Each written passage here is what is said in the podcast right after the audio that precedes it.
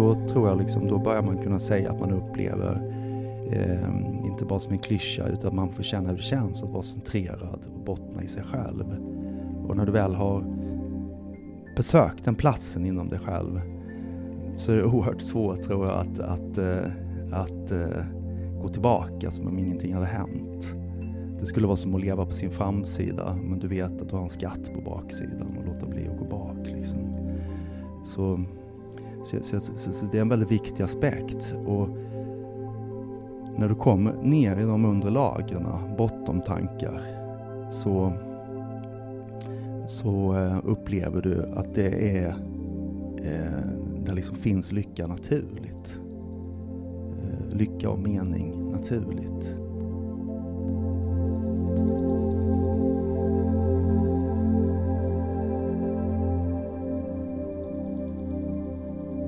Varmt välkommen till Ayurveda-podden som är Sveriges största podd om ayurveda och yoga.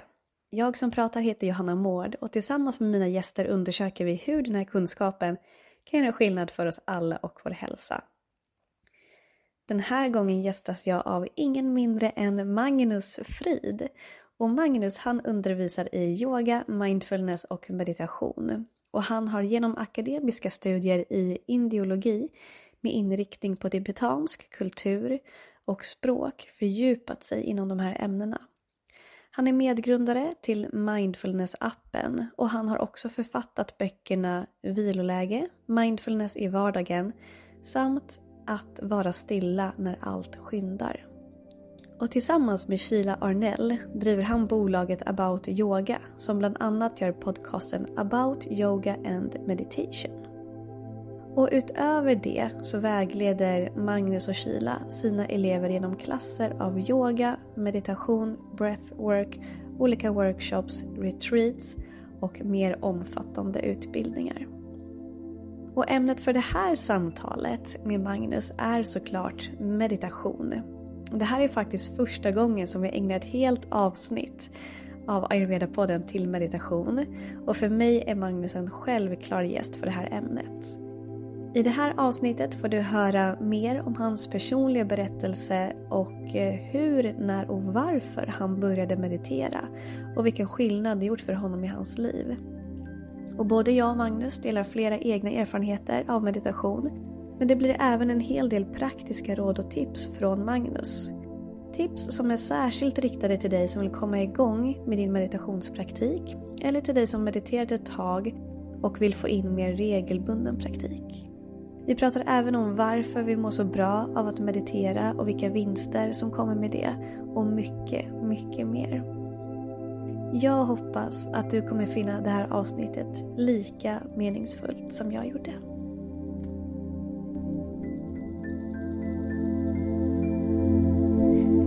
Hej Magnus och varmt välkommen till Ayurveda-podden. Tack så jättemycket för att jag får vara med. Ja, jättefint att ha dig här och att det är just du som sitter här. Jag sa ju det till dig nu precis innan vi satte oss att vi, Ayurveda-podden, det här blir det första avsnittet som är helt dedikerat till meditation. Och det är på tiden. Ja, vad roligt. ja, det gläder ju... mig att ni, att ni lyfter meditation. Ja, men mm. verkligen. Och jag, alltså det, vi har ju nämnt det i, kanske inte alla avsnitt, men varannat, var tredje i alla fall. För att mm. meditation är en stor del av att praktisera ayurveda och yoga. Det här är ju ayurveda-podden, men den handlar ju i princip lika mycket om yoga, kanske mm. lite mer nischat till ayurveda, men de går ju verkligen hand i hand. Mm. Och eh, ja, ayurveda, yoga och meditation, det är svårt att skilja dem åt, de mm. ligger ju så nära varandra. Mm. Och det är som en, man får ju som en synergi när man mm. praktiserar alla tre eh, tillsammans. Eller hur? Jag håller helt med dig. Och, eh, jag, jag tänker att man måste se det som olika system mindre hjul liksom, som leder till något större. Och så får man kanske hitta det som fungerar bäst för en. Liksom. Buddhismen erbjuder liksom en, en modell och eh, den yogiska filosofin erbjuder en liten annan modell. Men det liksom mynnar ut i, i stora drag i detsamma. Det finns ju såklart lite olika filosofiska eh, hårklyveri eh, teorier. Ja men så, visst. Mm. Ja. Men jag tänker just det att liksom, yoga och ayurveda meditation, ett plus ett plus ett det blir inte tre, utan det blir Mm. så mycket Totalt, mer. ja, Ja, blir en total. för att det finns den här synergin i det. Mm.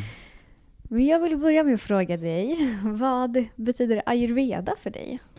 Men ayurveda är eh, någonting som jag kanske inte har studerat super, super mycket specifikt. Men jag stöter ju på det hela tiden i, i yogan. Och jag har samarbetat med personer som har dedikerat mer tid åt ayurvedan än åt själva yogapraktiken.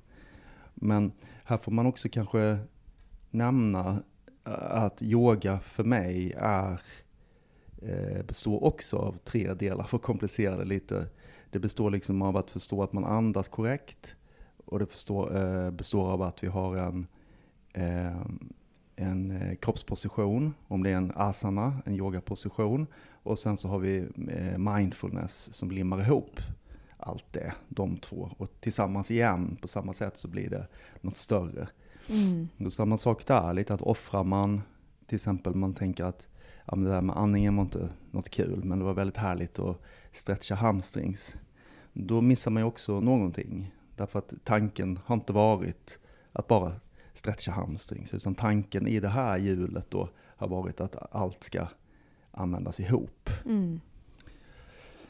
Och när man, när man tränar, ehm, jag har ju tränat väldigt mycket ashtanga-yoga som är en väldigt intensiv form av yoga.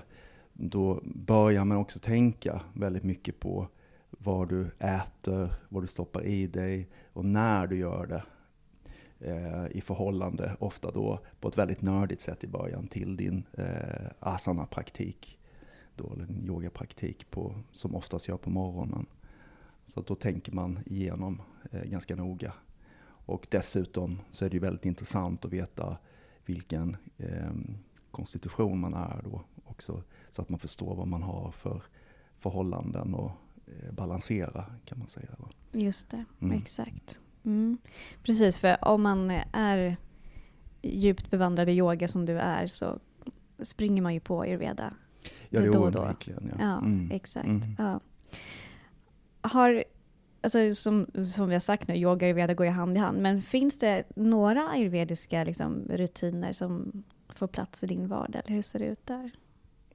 Ja, men jag har hållit på ganska mycket, eh, och nu får du rätta mig, för jag kan liksom inte säga om det här är helt ayurveda eller om det är yoga, jag vet inte. Men jag har hållit på väldigt mycket med nässköljning och eh, tungskrapning och eh, även med eh, att ut, utelämna mat och så innan jag tränar till exempel och äta alltid efteråt.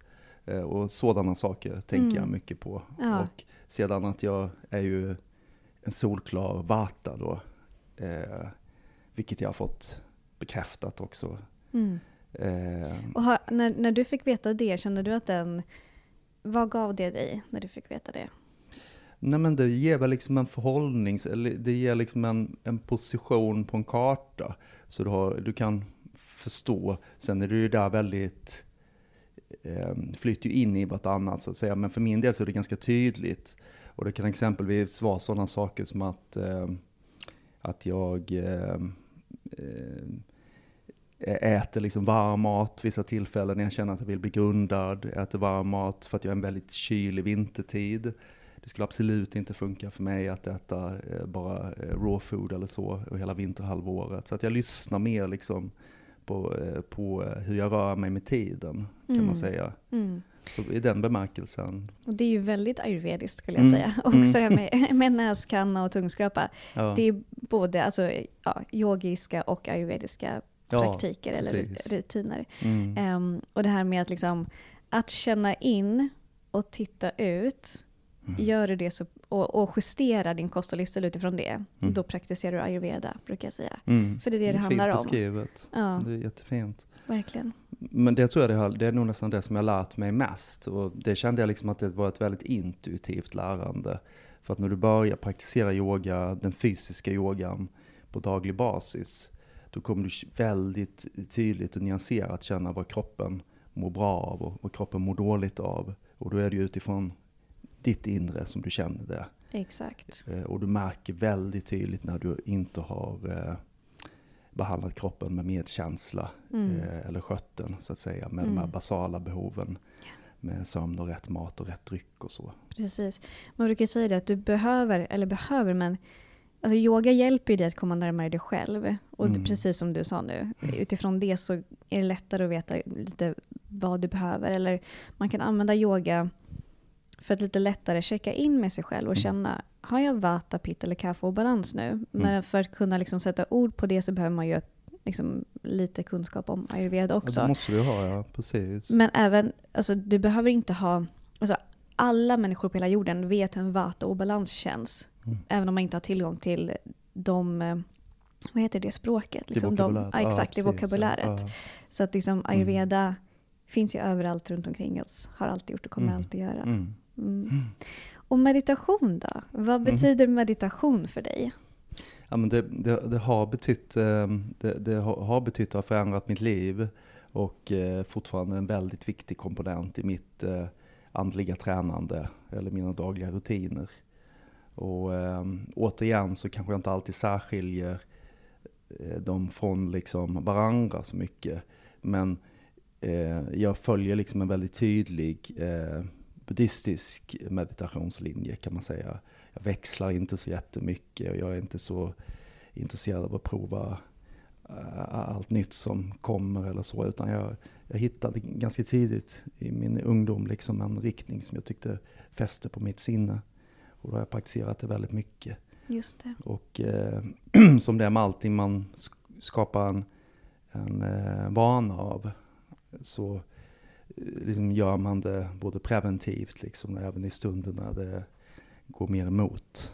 Mm. Så det liksom handlar om eh, rutinmässigt tränande som jag inte kan föreställa mig att vara utan. Ja, det är så. Så, ja, absolut. Mm. Ja. Ja. Mm.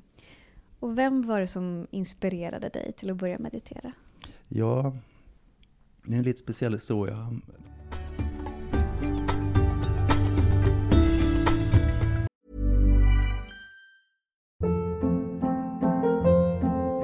Hold up. What was that? Boring. No flavor. That was as bad as those leftovers you ate all week. Kiki Palmer here, and it's time to say hello to something fresh and guilt-free. Hello Fresh. Jazz up dinner with pecan-crusted chicken or garlic butter shrimp scampi. Now that's music to my mouth. Hello Fresh. Let's get this dinner party started. Discover all the delicious possibilities at hellofresh.com.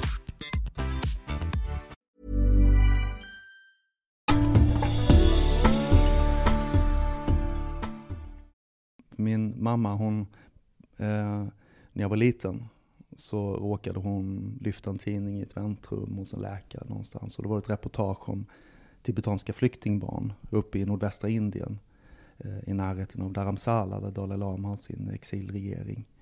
Och, eh, och, och det var ett väldigt fint rep- reportage, var SOS Barnbyar som berättade om hur de här barnen fått en andra chans och hur man verkligen skulle ombesörja att de fick en eh, rejäl och robust utbildning så de stod rustade för, för eh, resten av livet.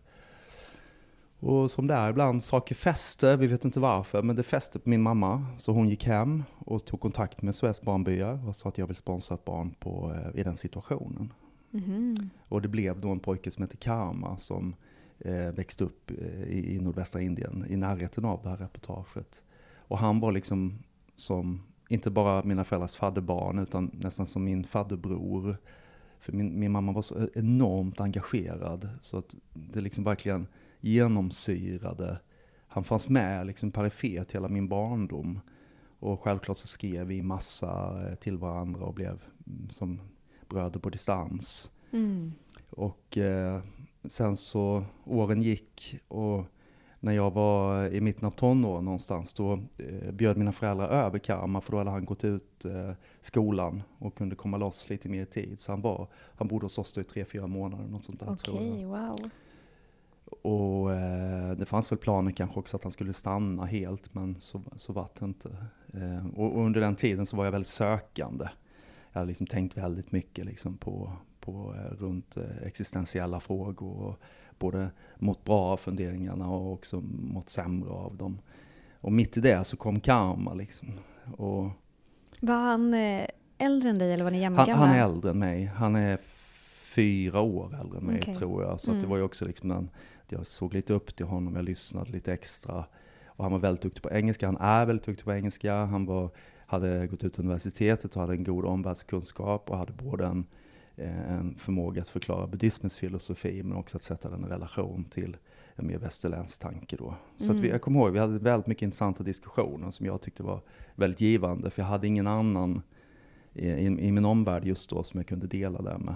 Mm. Um, Gud vad värdefullt. Ja, enormt. För, för honom att få ha er familjestöd och för er att liksom få ja, men hans bidrag ja, till era liv också. Ja, ver verkligen väldigt ömsesidigt mm. på det mm. sättet. Uh, och min mammas och hans relation var ju väldigt fin. Det, jag såg någon bild nu i helgen när jag var hemma hos mina föräldrar på när de satt och pratade liksom. Och det var, var ju liksom ett, eh, ett decennium av, ännu mer än ett decennium, två decennier av brevväxlande. Mm. Där han har kallat min mamma för mamma och så här. Mm. Så det var ett fint möte dem emellan. Det betydde nog väldigt mycket för båda tror jag. Ja, oh, wow.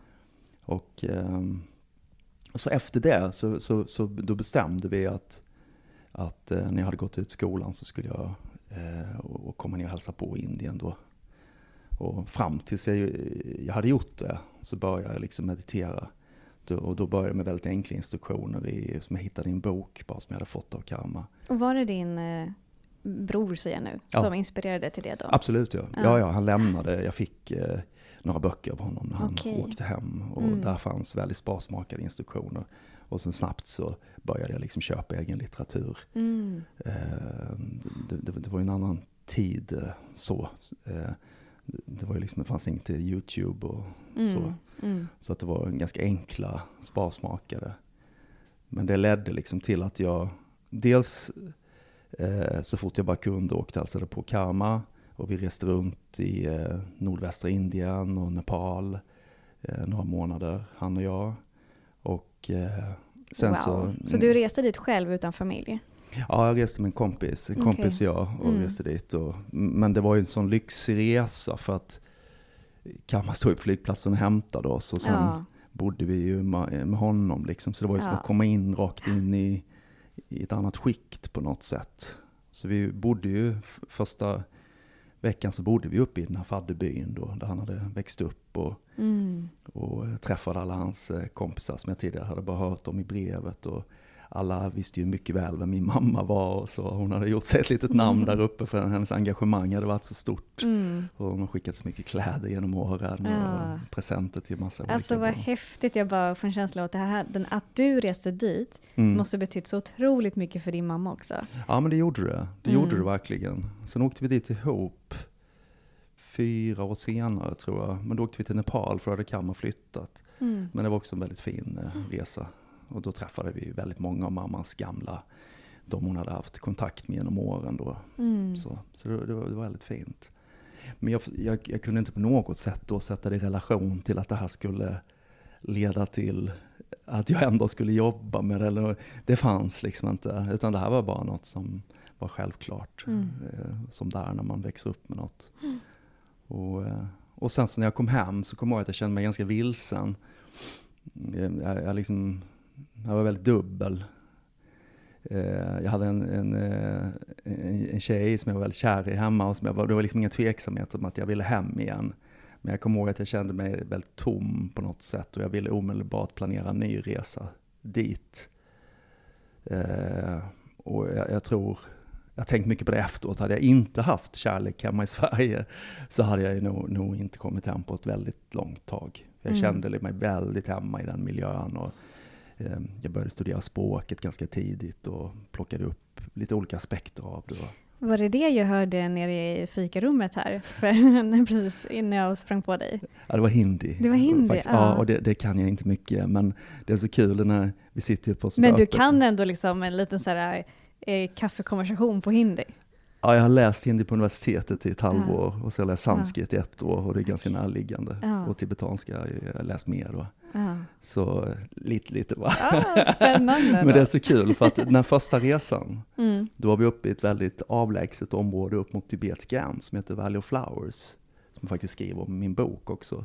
Och den här tjejen som sitter på ett öppna landskap som du också träffade här nere nu, mm. hon är därifrån. Är det sant? ja, så det var så roligt jag, jag frågade henne, var kommer du ifrån? Och så sa jag är från avlägset Uttarakhand. Och så, ja, jag har varit där. Ah, wow. och så började vi prata. Så, ah, så jag brukar öva, öva de stiltiga ah. hindifraser jag kan med henne. ja, roligt.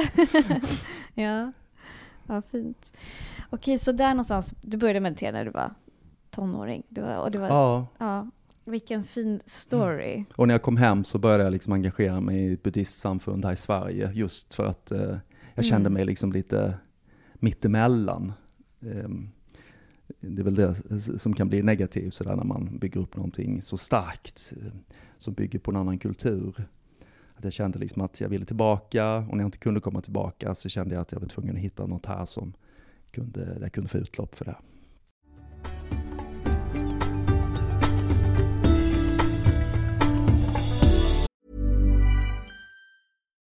One size fits all seemed like a good idea for clothes Nice dress. Uh, it's a it's a t-shirt. until you tried it on. Same goes for your healthcare. That's why United Healthcare offers a variety of flexible, budget friendly coverage for medical, vision, dental, and more. So, whether you're between jobs, coming off a parent's plan, or even missed open enrollment, you can find the plan that fits you best. Find out more about United Healthcare coverage at uh1.com. That's uh1.com. I'm Sandra, and I'm just the professional your small business was looking for. But you didn't hire me because you didn't use LinkedIn jobs. LinkedIn has professionals you can't find anywhere else, including those who aren't actively looking for a new job but might be open to the perfect role, like me. In a given month, over 70% of LinkedIn users don't visit other leading job sites. So if you're not looking on LinkedIn, you'll miss out on great candidates like Sandra. Start hiring professionals like a professional. Post your free job on linkedin.com/people today.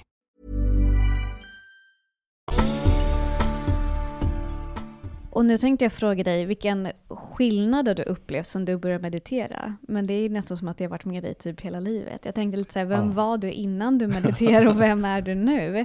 Men Ja. eh, ja. Jag vet ju efteråt, vet jag ju att jag, jag, jag har en ADHD-diagnos. Så jag vet ju att, att jag liksom genomled en viss kamp under den tiden. Och det kan jag verkligen känna med när jag tänker tillbaka. För att jag kände att det var rätt slitigt så de där åren. Eh, jag, jag tyckte inte det var toppen så här med, och ganska fort kom jag ihåg, och också på tal om ayurveda, så kom jag ihåg att jag med alkohol och sådana saker, att jag kände att jag inte riktigt resonerade med det liksom. Mm. Så jag sökte något annat. Och det jag sökte var ju liksom att hitta en, en stillhet för eh, en rastlöshet och en oro, eh, stundtals eh, ångest. Eh, som, som debuterade väldigt starkt någonstans eh, precis då. Så Mm. märkligt, man ser, man förstår det baklänges. Att det alltid sammanföll liksom. Så precis när jag hade den här eh, existentiella krisen och insåg att jag hade lite klurigt med mig själv, så kom karma liksom, så hamnade jag i det.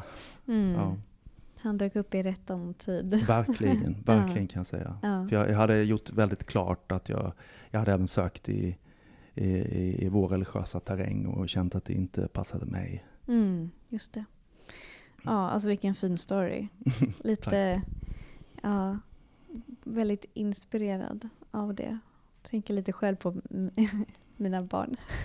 Hur- Ja. Att kunna få ge någonting sånt som verkligen, verkligen influerar hela livet. Men jag tycker, jag tycker man ska ta något från den historien som känns fint tycker jag.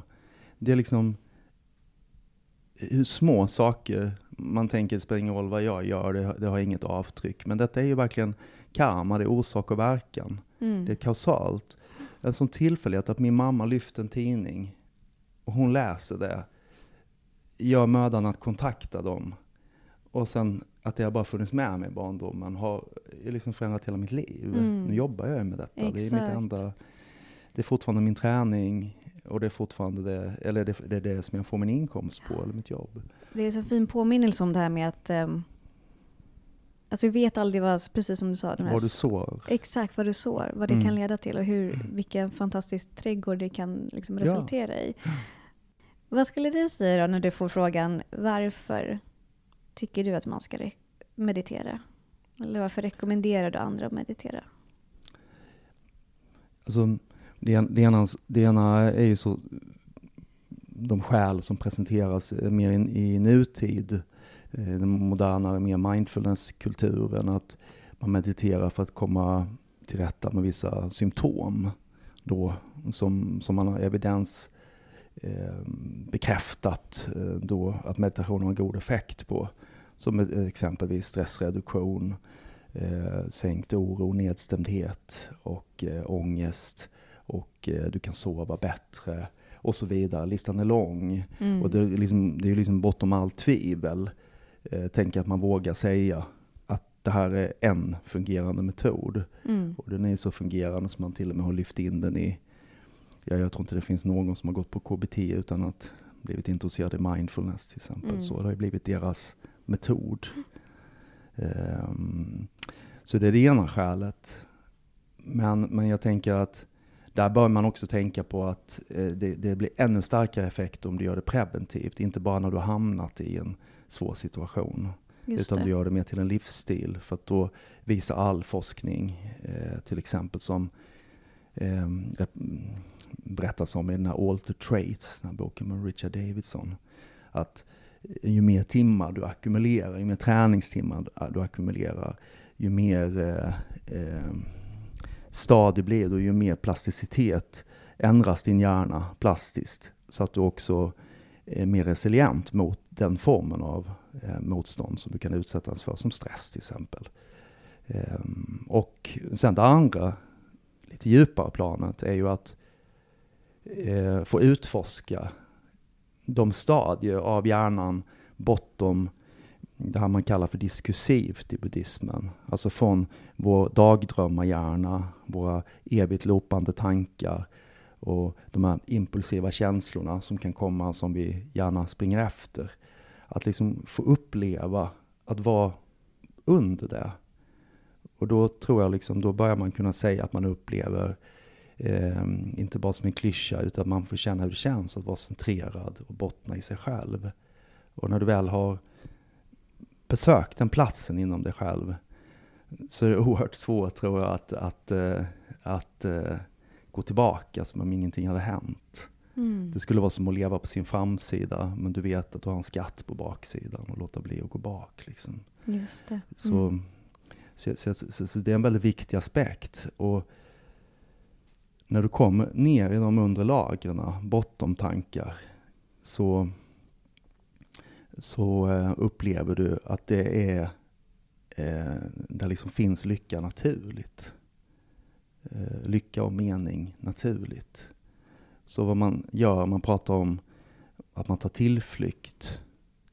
Och det är en plats man kan ta tillflykt till.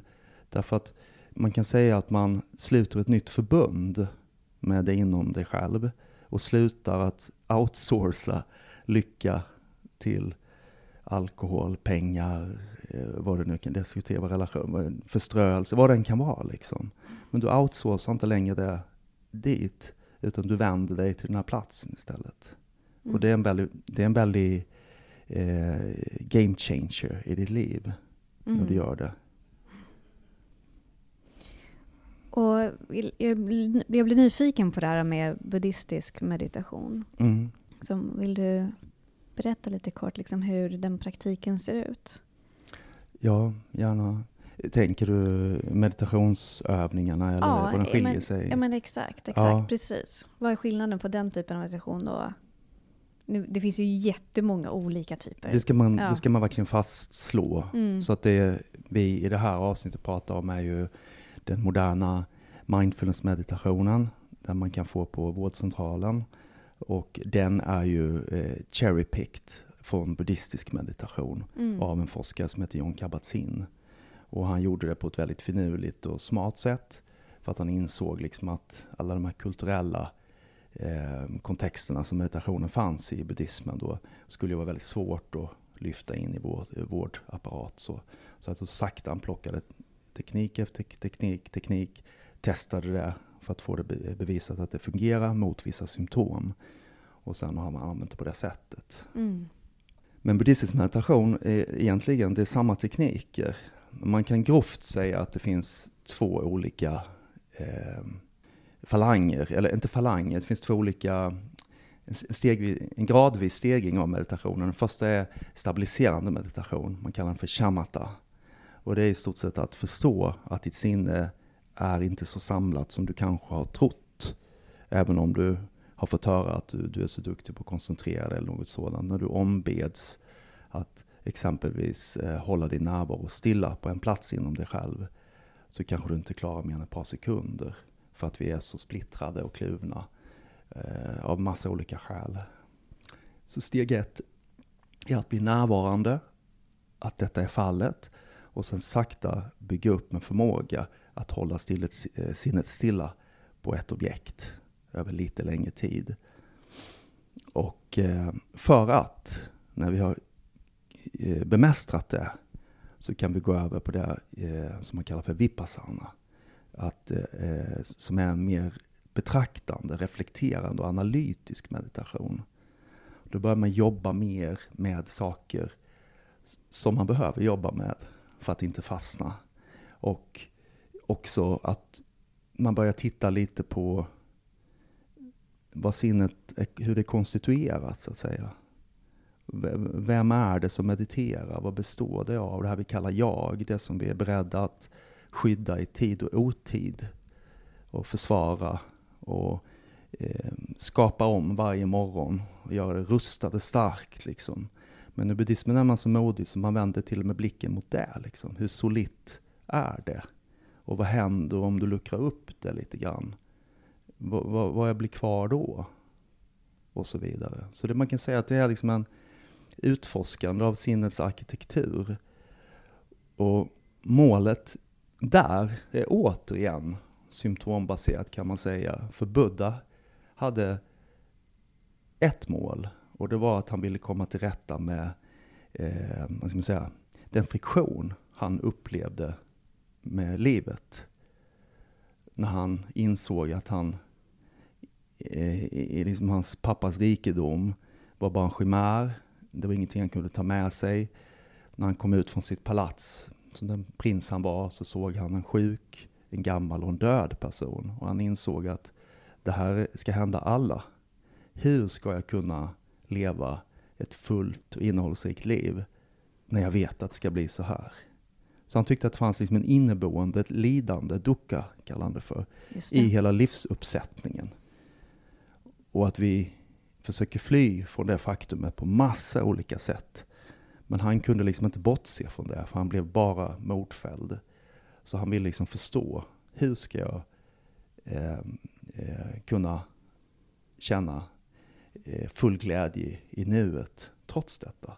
Mm. Och det var där han började prata om det här tillståndet av nirvana, som då kan ske eh, precis vad som helst och när som helst och inte bara när du dör, utan gränsen mellan eh, det världsliga samsara och nirvana är enligt Buddha väldigt tunn. Mm. Egentligen bara ett perspektivskifte. Mm. Så spännande. Gud vad spännande. jag vet ju att eh, du leder kurser och utbildningar i meditation. Mm. Jag känner nu att jag, jag har ju sagt det till dig tidigare, men det är på min bucket list. Ja. Absolut. Alltså jag ja. tycker det är så... Ämnet tilltalar mig så mycket. Mm. Um, liksom rent, rent teoretiskt, för jag tycker det är väldigt givande att, att prata om det och liksom förstå det. Jag gillar att liksom mm. gå djupare i den här typen av teori. Mm. mm jag har läst många terminer psykologi på universitetet bland annat, ah, men yogisk eh, psykologi på det sättet är, jag vet inte, det är givande på ett helt annat sätt för mig. Det mm. är, mm. det är djupare och för mig mer intressant. Och mm. vi har faktiskt i ett av de senaste avsnitten av ayurveda-podden pratar vi om sukka och dukkha. Ja, mm. sukka dukkha. Jätte, jätteintressant. Mm.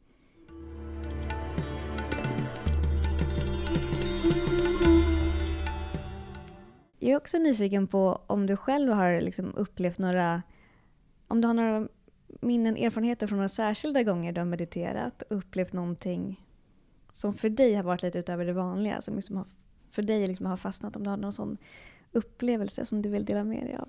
Mm, bra fråga. Alltså jag, jag är nog liksom, jag tillhör nog den grupp meditatörer som, jag, kan inte, jag har inte haft några så här eh, transcendenta upplevelser så, men jag har upplevt eh, att eh, i stunder där har varit, min yttre situation har varit väldigt problematisk och eh, det har varit ett eh, mer eller mindre inbördeskrig inom mig. Så jag har upplevt att jag har kunnat eh, känna en total rofylldhet, acceptans och medkänsla eh, till, till mig själv och den situation jag befinner mig i. Och då pratar jag inte om en flykt eller någonting. Eh, för att i de situationerna så har det varit andra människor inblandade. Bland annat jag beskriver i min första bok, min, min dotter har genomgått väldigt mycket sjukvård. Eh, och, så det fanns liksom alltid, du var alltid tvungen att gå tillbaka fort och vara aktiv och hjälpa till. Mm. Men till och med de situationerna så, så kunde jag känna de här djupare tillstånden bortom eh, destruktiva tankar som fanns mycket i den stunden. Liksom, och Mm. hopplöshet, eh, sorg och så vidare. Och, och det är inte liksom att man liksom flyr en kort stund, utan det är snarare så här att du öppnar ett inre rum som, är, som, är, som kan härbärgera, som kan hålla alla de tillstånden samtidigt. Mm. Det är precis som att ditt hjärta liksom eh, blir större. Och det, fin det finns en sägning inom en lärare som heter Pakcho Rinpoche, alltså han säger, han säger att liksom i, ett, i ett litet rum så definierar en enda möbel hela rummet. Så om det står en säng i ett litet rum så är det ett sovrum, så det ett skrivbord där skulle du säga att det är arbetsrum. Men det är bara möbeln som är skiftad, rummet är detsamma. Men du ser det så. Det är subjektivt så ser du det så. Men i ett stort rum så kan du placera massor med möbler. Men det, men det skulle absolut råda en diskussion om vad, vad det är för typ av rum. Liksom. Mm. Om det är ett vardagsrum, eller arbetsrum, eller kreativt rum, eller vad det nu är. En öppen planlösning kanske. Mm. Och så är meditation. I det första, om du blir för fixerad och liksom likt en fluga som klibbar på dagg, så, så, så är hela din värld det liksom. I den stunden hade jag kunnat vara liksom en lidande pappa som är drabbad av en omständighet som jag upplevde orättvis eller något sådant. Om, om det är mina möbler så är det mitt rum. Men i meditationen så öppnar du upp en hel sal inom dig. Och då sker någonting. Saker och ting rör på sig naturligt. Du klibbar inte längre fast. Och då är det väldigt svårt att definiera eh, eh hela du skulle bestå av, av eh, den- här formen av eh, negativitet. Liksom. Mm. Det är precis som att du lyfter dig, inte över, utan det är snarare att du vidgar. Du vidgar vyn. Och du gör det samtidigt som du sitter väldigt centrerad och kan se allting. Så, så, så du, du, du kan liksom vistas i samma rum som det lidande som har orsakat det här tillståndet. Men du kan, du kan sitta lugnt med den och låta den vara. Liksom. Du kan nästan tilltala den, säga liksom, hej oro, hej ångest. Liksom. Det, vi får vara här båda två. Liksom. Mm. Så. Och upplevelsen blir väldigt tydlig efter ett tag, att saker skiftar. Liksom. Mm. Så det är nog det största jag varit med om, tror jag. Men det har, ju, det har varit mer än tillräckligt för mig. Ja, jag förstår det. Mm. Vilken gåva att ha liksom... Ja. Alltså varenda människa på jorden har ju tillgång till meditation. Men vilken Ja. gåva att ge det till sig själv. Ja. Verkligen. Mm. Mm. Och en annan sak också, det, det kanske nästan varit ännu, ännu mer maxat, eller vad ska jag säga. Den har gjort meditationer på medkänsla. Att uppleva eh, hur mycket kärlek man har inom sig. Och det tror jag också är för alla människor, vad vi än har gått igenom och hur mycket ilska och allt vi bär runt på så, så, så upplever jag att när man gör meditation på medkänsla så blir, blir det liksom en ocean av kärlek. Och jag, om du försöker framkalla någonting som skulle bryta det, alltså en mindre schism eller någonting du har, någonting, så tycks det helt omöjligt att halka tillbaka i ilska. Liksom. Mm. Det känns totalt ointressant. Mm. Utan det är väldigt lätt i den stunden att istället önska den personen gott och eh, förstå det perspektivet. Mm. Ja, det är fint att meditera Ja, på medkänsla, ja, kärlek. och... jag tänker att det är viktigt för alla att känna att man har det i sig för att vi Mm. kan bli så hårda och mm. eh, slutna och så. Mm, verkligen. Mm. Jag har några upplevelser med meditation som jag inte riktigt... Det händer lite då och då, men inte alltid när jag mediterar. Eh, men jag minns, bland, det, framförallt var det väldigt tydligt när jag var uppe i, eh, ja, men i Him- Himalaya, Mm. norr, norr om Rishikesh. Ja, det var Eh, där. Ja, Ja, det var precis där jag var första, för mina första Ja, resor. var var där, eh, precis väster om Rishikesh som Ja. Kalmar växte upp. Ja, Vid Jag var- Dehradun. eh, ja okej. Ja. Jag var, vad kan det vara, typ en halvtimme, 45 minuter norr om Mm. Rishikesh ungefär. Ja, helt magiskt uppe bland Mm. bergen där. Mm. He- Helt magiskt ställe. Ehm, och då hade vi puja varje morgon, gick upp Mm. vid, kan, jag minns inte om det var men 5.30 eller 6 där Säkert, någonstans. ja. Ehm, ja, men med lite, vi sjöng mantran och lite annat. Eh, och eh, sen var det meditation efter det. Och då satte vi oss längs med en eh, flod som rann ut i Ganges, heter Mm. det? Ja, Precis. Eh, så Baby Mm. Ganga kallar de Mm. den här floden. fick man sitta där och meditera. Och då var det fortfarande lite mörkt på Mm. morgonen när vi satt oss i meditation. Men det var som att så fort jag slöt ögonen så kom ljuset. Mm, fint. Och det var Mm. liksom verkligen som att jag, jag slöt ögonen och liksom fokuserade på tredje ögat eller bara riktade Mm. blicken inåt. Mm. Och jag liksom flera gånger var tvungen, att, eller tvungen, men jag kände bara att jag ville öppna ögonen för bara, är det någon som typ lyser med ficklampa på mig eller kom solen upp så här? Mm. För att det blev så ljust. Liksom, och jag upplevde att det några gånger hände ganska fort. Att så fort jag hamnade i meditativt tillstånd så var det som att det blev nästan som ett vitt sken framför mig. Mm. Och jag minns att det hände nästan varje morgon jag var där. Jag tror mycket att det handlade om den miljön. Men också att, liksom att ja, men den miljön hjälpte mig att komma till något sånt Mm. typ av tillstånd. Kan inte förklara exakt vad det var som Mm. hände eller så. Men det har hänt mig några gånger här hemma också. Att jag sitter hemma på mitt vardagsrumsgolv liksom en tidig morgon och plötsligt så blir det bara väldigt ljust. Mm. Eh, återigen så är jag så här, men gick solen upp bara pang eller var det någon som tände lampan? Men det är inte det, det är någonting Mm. annat. Mm. Jag vet inte, jag vet inte varför jag berättar det här. Kanske Jo, jag frå- fråga dig om det är någonting. Jag vet inte, vad är det som händer när man får ett ljus Jag, tror, jag tror att du upplevde en väldigt, väldigt skarp närvaro Mm. i ögonblicket. Och det liksom brukar nästan beskrivas så att, att liksom, de här distraherande tankarna och de här looparna av tankar vi är inne i hela tiden, som väldigt mycket utgår från ett subjekt. Eh, alltså eh, det refererar till en, en själv i världen, i samband med andra människor och ting. Ehm, och, och det beskrivs ibland liksom som ett, liksom ett obscured, ett mörkare rum. Då. Men att använda mindfulness, det är liksom som en switch. Liksom. Du tänder en lampa och allt blir, du ser det klart Mm. plötsligt. Det är ju det som också gör meditation så icke-flummig tycker jag. Därför att alla, alla som varit på yoga till exempel vet ju, när vi gjort shavasana, när man öppnar ögonen, så kan du få en känsla av att du är liksom, du ser allt. Du hör allt. Och det är som att du har vaknat från en, från en dröm nästan. Och då menar jag liksom att hela dagen innan kanske har varit som en dröm. Du har varit så vilsen i de här tankarnas labyrinter. Så att när du då liksom har skalat bort och skalat bort, skalat bort, så är det nästan som att tända en lampa i det mörkret. Mm. Så jag kan tänka mig att du upplevde en väldigt tydlig, skarp, vaken närvaro. Det kan nog absolut vara det. För det där Mm. ljuset, det kommer ju inte när mina tankar är all over the place. Nej. Och jag har liksom, för det är ju oftare det är så när jag Mm. sätter mig i meditation. Att jag bara observerar att eh, ja, det är svårt att komma till den där hel, Mm. alltså, he, liksom verkligen närvaron. Blev den, blev den klurig för dig sen när du inte fick den under perioder? Ehm, Den upplevelsen? ja, Och- precis. Inte, hmm, bra fråga. Ehm, inte klurig, mer som att jag är tacksam att jag fick uppleva Mm. det. Och så här, det kommer säkert igen, och så har det ju kommit lite då och då. Men jag kan nog, nu när vi har pratat med dig också, så att det händer mm, verkligen när jag har tillgång till någon annan typ av närvaro. Mm.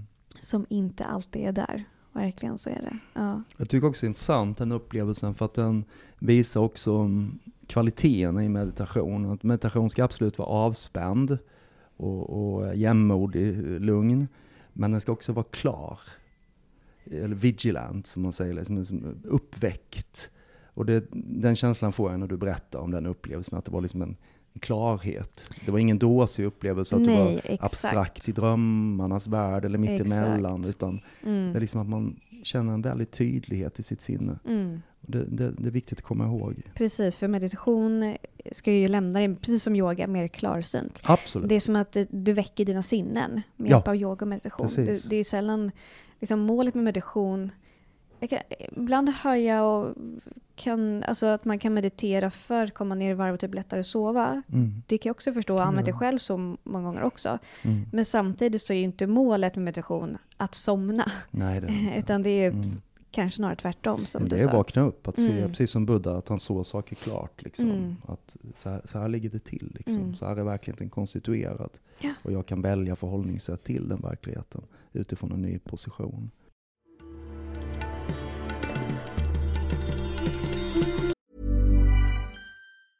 Ever catch yourself eating the same flavorless dinner three days in a row? Dreaming of something better? Well, HelloFresh is your guilt-free dream come true, baby. It's me, Kiki Palmer. Let's wake up those taste buds with hot, juicy pecan-crusted chicken or garlic butter shrimp scampi. Mm. Hello Fresh. Stop dreaming of all the delicious possibilities and dig in at HelloFresh.com. Let's get this dinner party started.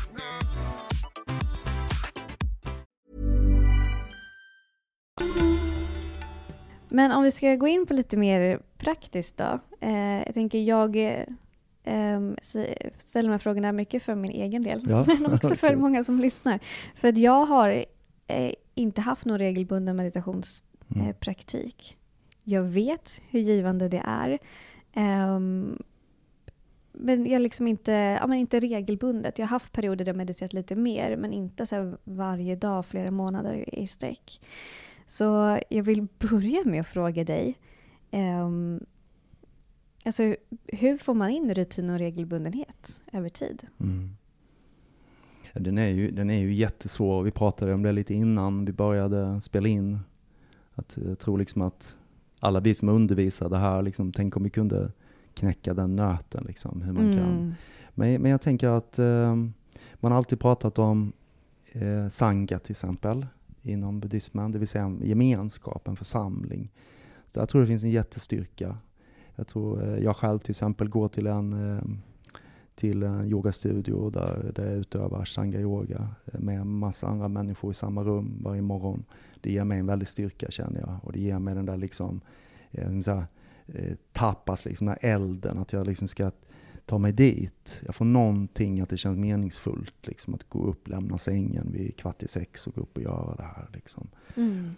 Ehm, det är liksom, vi, vi har ju liksom en inneboende lathet i oss, liksom, vi måste Ja. komma över, där vi kan inse att gör jag denna, tar jag mig igenom denna svårigheten, så kan det leda till eh, något fint. Men när man vaknar tidigt så har man svårt att se det. Det finns ju bara en väg. Jag tror dels att det är inneboende lathet, Mm. men också att det är så lätt att prioritera bort meditation. Mm. För inom situationstecken, jag hinner inte meditera. Ja, det, det tror För- jag också. För att, den här, att det finns så mycket annat att göra hela tiden. Mm, mm. Ehm, och att liksom, man ser inte direkt liksom, resultatet eller liksom det effektiviteten med Nej. att sätta sig ner stilla och bara observera sig själv, sina tankar, känslor och sin andning. Mm. Att det inte finns, man ger inte det plats för att visst jag kan sitta och meditera men då är det ingen annan som betalar mina räkningar eller gör mitt jobb Nej. eller lagar maten eller hämtar barnen Mm. på skolan och så vidare. Mm.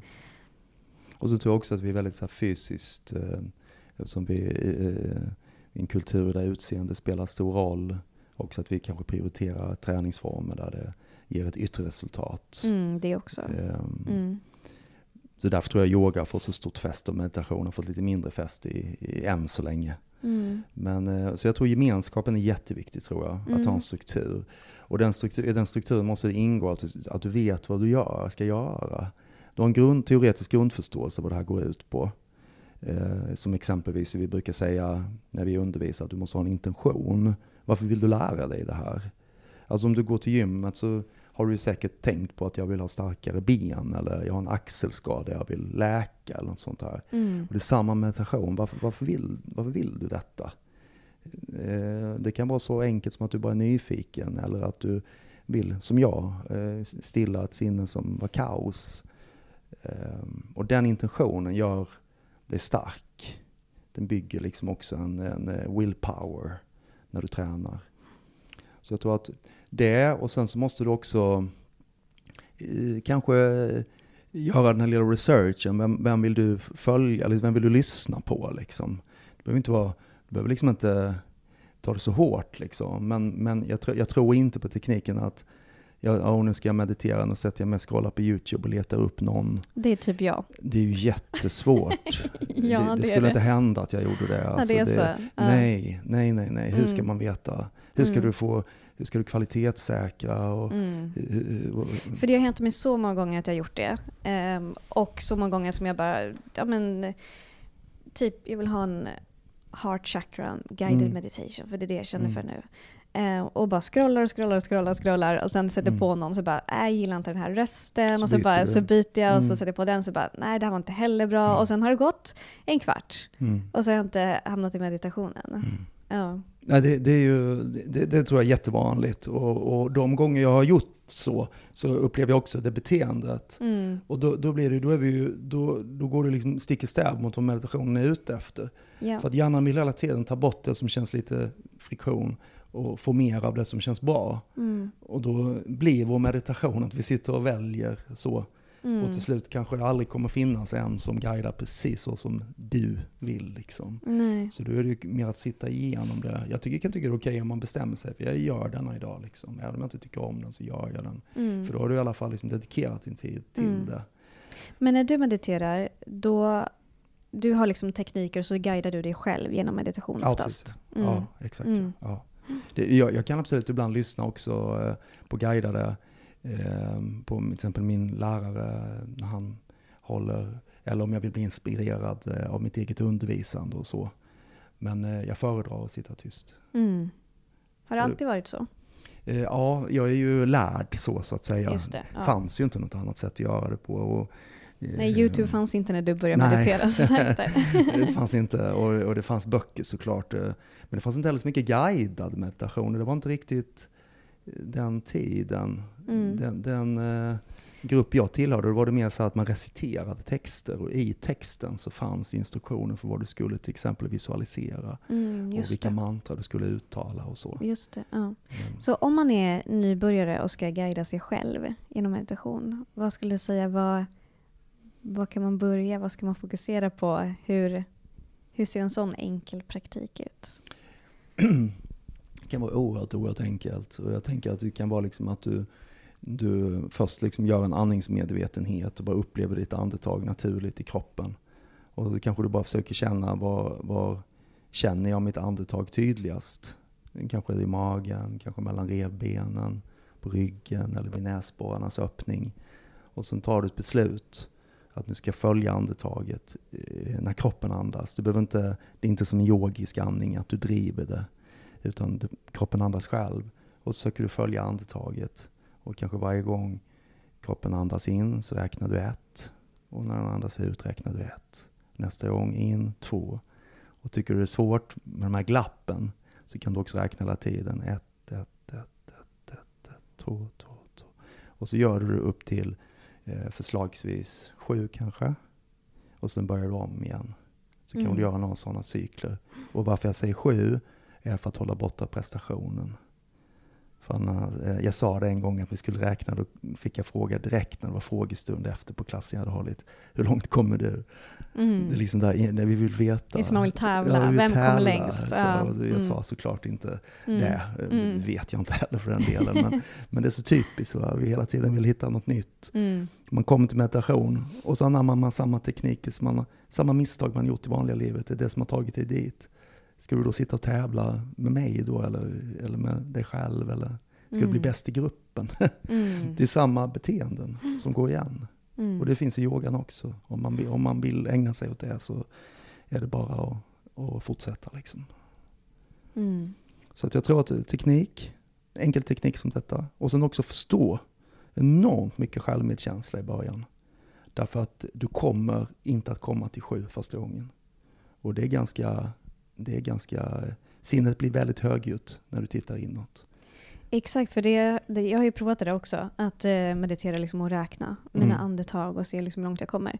Och vissa dagar kommer jag typ tre och sen Mm. är mina tankar någon annanstans. Ja, och då ehm, har jag ibland blivit lite irriterad så här, på mig Mm. själv, så här, vad håller jag på med, varför kan jag inte? Men många gånger idag landar det så här, okej men intressant. Jag, är liksom inte, jag verkar inte vara så Exakt. närvarande just nu. Så vi börjar om. Vi tar ett djupt andetag och börjar om. För att jag kommer till tre de dagarna Mm. tror jag är värdefullt för mig. Att bara ha liksom Mm. tre närvarande andetag. För uppenbarligen så behöver jag ju det. Mm. Eh, och kommer jag sen till fyra, fem så är det också bra. Och andra dagar kan jag komma till ja, sju flera gånger Mm. om och det, det är lugnt. Men det är, jag upplever att det är väldigt intressant att meditera just för att man blir så nära sig själv och sina tankar. Och Mm. för så, alltså, har du en dag eller flera dagar du inte sitter i meditation, eller så är det för mig i alla fall, så är det, ja, jag är såklart inte lika medveten om vad det är som rör sig i huvudet och framförallt hur fort det går. Jag tror att det blir väldigt tydligt för mig när jag sätter mig i meditation.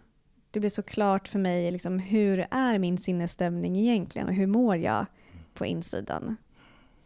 Du, du sa något väldigt intressant där också. För att du sa att du, eh, när du kommer av räkningen, så, så, eh, så, sa, du sa nästan att du, du ser på det med nyfikenhet eller med glädje, nästan att du har upptäckt.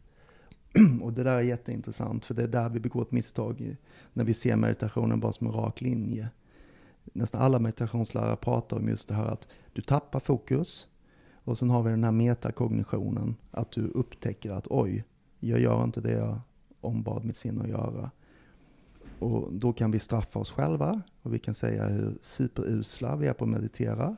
Men vi kan också som du säga så, Åh, det var bra, jag upptäckte det i alla fall. Mm. Och sen lyfter du tillbaka.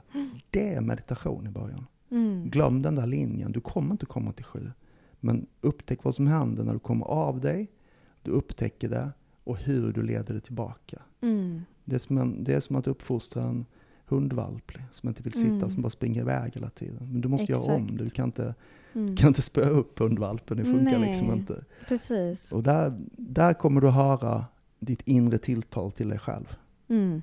Om du väljer att fly och säga att det här är, inget, det här är värdelöst, det gick inte med en gång. Varför skulle du gå med en gång? Gör ingen träning. Mm. Eller så straffar du dig själv. Eller så hittar du något annat kryphål. Mm.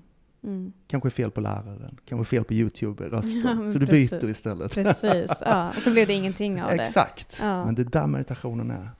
Ja, verkligen. Resili- resiliensen. Mm. Så bra, om jag ska sammanfatta lite då. Bra Mm. att börja hitta en intention, sitt Mm. eget varför. Eh, bra att hitta ett sammanhang. Mm. Eh, det kan bidra. Mm. Det kan, Mycket. det kan jag verkligen, verkligen se. Det finns så mycket online-communities och sådär man Ja kan men tillhöra. exakt, liksom. för du berättade Mm. att du går iväg till en yogastudio varje Absolut. morgon.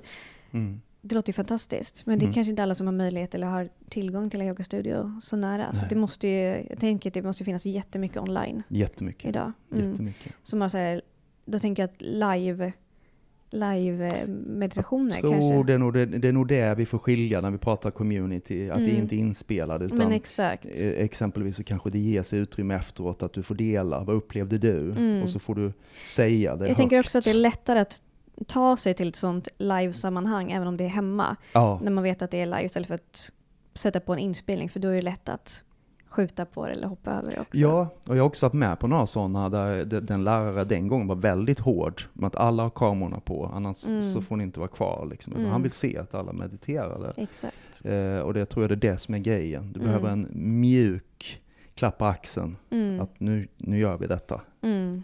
Just det. Så. Och sen hitta då eh, antingen en lärare eller en teknik eller några tekniker som du Mm. gillar och liksom håll dig till det. Så Mm. att det inte blir det här scrollandet på, på YouTube. Jag tillåter dig att scrolla ett tag, om det är dagar, veckor, scrolla på. Men när du väl hittar någon, så, så, så, så håll dig en stund Mm. till det. Och det kan ju också vara sådär, det får jag jättemycket frågor om på Instagram till exempel. Vem, vem ska jag eh, lyssna på eller vad ska jag lyssna på? Och, Mm. och det är klart att om det är på svenska så kanske de lyssnar på vår podd till exempel. Men om det är på engelska då brukar jag alltid skicka länkar, rekommendera lärare som jag tycker om. Mm. Och jag tror ju just den här Q-rate-grejen är jättevärdefull. Precis du vet när man var ung och man fick så här blandband av en större kompis. Just man bara, det. ah det här är Ja, bra musik. Istället för att virra runt och leta liksom. Ja, fint. Vi kanske kan lägga in någon av dina rekommendationer i avsnittsbeskrivningen. Jättegärna, Ja. jag delar än gärna. ja. Och så eran podd, About Yoga. precis. Eller hur? Mm, Ja. precis. Också guidade meditationer Guidad där. meditation, ja. Mm. ja. Enkelt. Mm. Och som du sa också, att ta med sig en stor dos medkänsla när man sätter sig och mediterar. Och framförallt om man är ny, att inte så förvänta sig att man kan det på en gång. Ingen kan någonting första gången om man är ny inför det. Nej. Du, vad, vad är det jag har skrivit i min bok? Eh, Du måste börja för att kunna, inte kunna för att börja. Exakt. Så. Ja. Och där tänker jag så här, Vilket är, vilket är så logiskt, men ibland, Ja.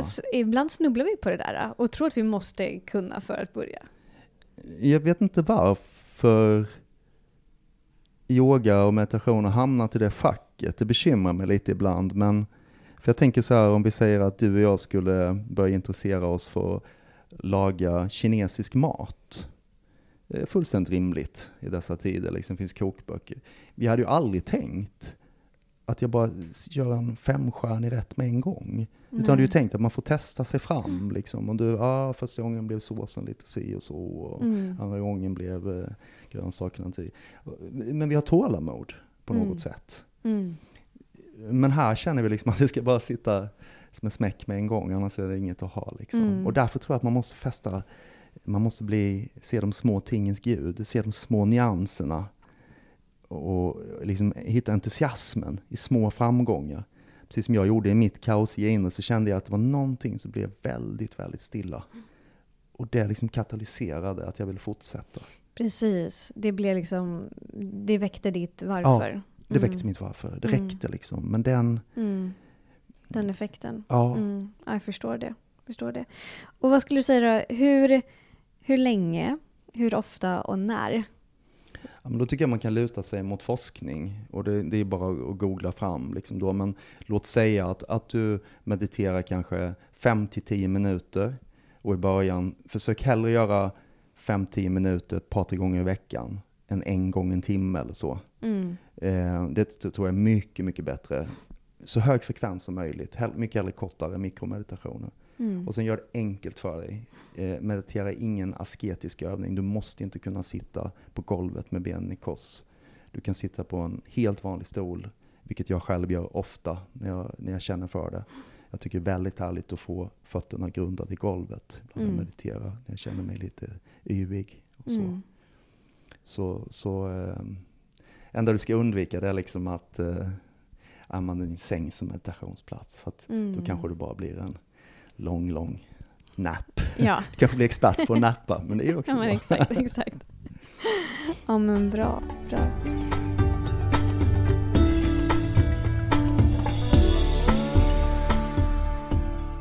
Inom ayurveda så pratar man också mycket om vikten av att smälta Mm. saker. Och man pratar ju jättemycket om din agni, som är din inre matsmältningseld. Mm. Och att den är så central för hela din hälsa och för, för att du ska vara i balans och vara vital och ha energi och, och må bra och frisk. Mm. Eh, din agni är super, super central. Men man pratar också mycket om hur viktigt det är att smälta sinnesintryck, tankar och känslor.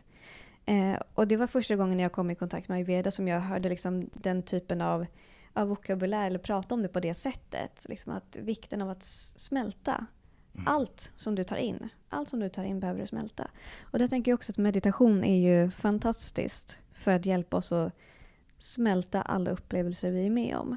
Ja. Och om du inte tar dig tid för det så kommer det också skapa obalans inom dig, enligt ayurveda. Mm. Mm. Ja, det låter väldigt rimligt. Ja, men eller hur? Ja. Eller hur? Ja. Mm. Men jag tror att, jag tror att ehm, om du känner ett kall, att du tror att meditation kan vara något för dig, så ge, ge det lite tid. Och framförallt kom ihåg vad både du och jag har sagt här, att var inte för hård mot dig själv. Och se det mer på ett lekfullt sätt. Det är ingenting du ska liksom lyckas eller misslyckas med. Jag har jättemånga meditationer fortfarande där det, det kan vara ganska rörigt för mig och det tar, tar lite tid att navigera. Kan helt bero på vad, vad, vad jag har varit med om under dagen. Men det enda jag vet, som jag lärt mig över tid, är att blir jag kvar, sitter jag kvar, då kommer jag att, att eh, komma djupare. Mm. Så ibland så kanske det bara handlar, vi säger att du satt din klocka på fem minuter, du ska meditera, eller en guidning är i fem minuter. Det är kanske bara de sista sekunderna du känner det där. Just det. Men det du måste sitta 4.50 för att få de där tio sista. Liksom. De kommer inte komma annars.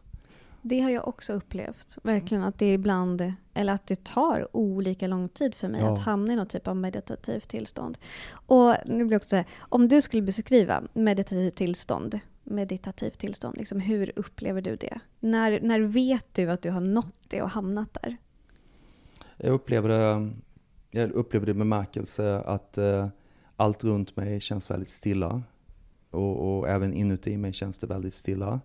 Det känns absolut inte nedstängt. Det känns inte fritt från, eh, från, från rörelse av tankar, känslor och kroppsförnimmelser.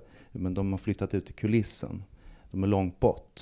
Och jag, jag har satt mig i en position där jag inte behöver eh, eh, liksom fastna. Så fort det rör sig i kulissen behöver jag liksom inte titta ut dit. Och sen samtidigt så gör det mina sinnen väldigt starka. Så att till exempel om jag skulle använda, flytta min närvaro i den stunden till olika ljud i rummet till exempel. Så känns det nästan som att jag liksom kan placera min närvaro på ett ljud. Så kan jag liksom vila den där. Och sen kan jag flytta det till en annan. Så allting blir väldigt skarpt och nyanserat.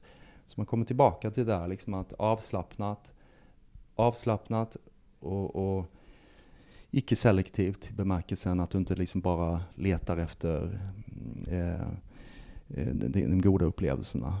För det kan också vara skuggigt såklart. Och, och sen så att det är vaket, vigilant. Det är det.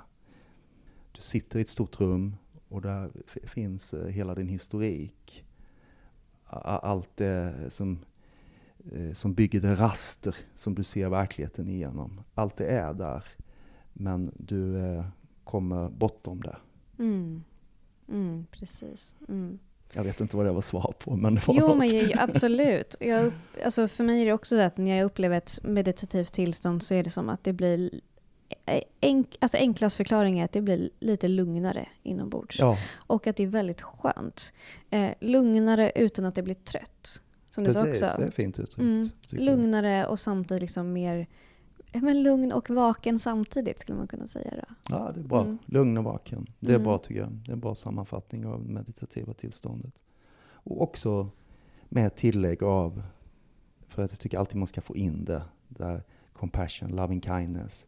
Alltså att du öppnar upp eh, den här grundläggande kärleken inom dig. Mm. Och det bästa jag kan beskriva det på när man kommer i kontakt med den, det är liksom att du blir förälskad.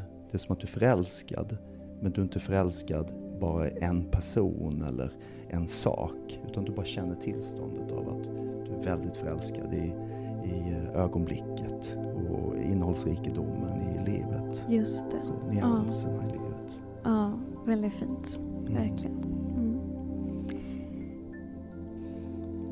Snälla för det här samtalet. Tack, tack själv. Tack själv. Det har varit jättefint att föra dina stories och givande att höra liksom hur man kan ja, men använda det här i praktiken för att, Mm. och vad det kan ge igen och vad det har gett dig. Och, Jag hoppas det kan Mm. entusiasmera och liksom kolla in tips av, på Instagram och hemsidor som där vi sprider, liksom, om det kan vara till någon hjälp och, och eh, eh, försök hitta det som du som lyssnar, liksom, som du går igång på. Liksom. Inte det som jag har sagt att du ska gå igång på eller någon annan, utan du måste testa och känna. Liksom. Mm. Men när du väl hittar det, så kör.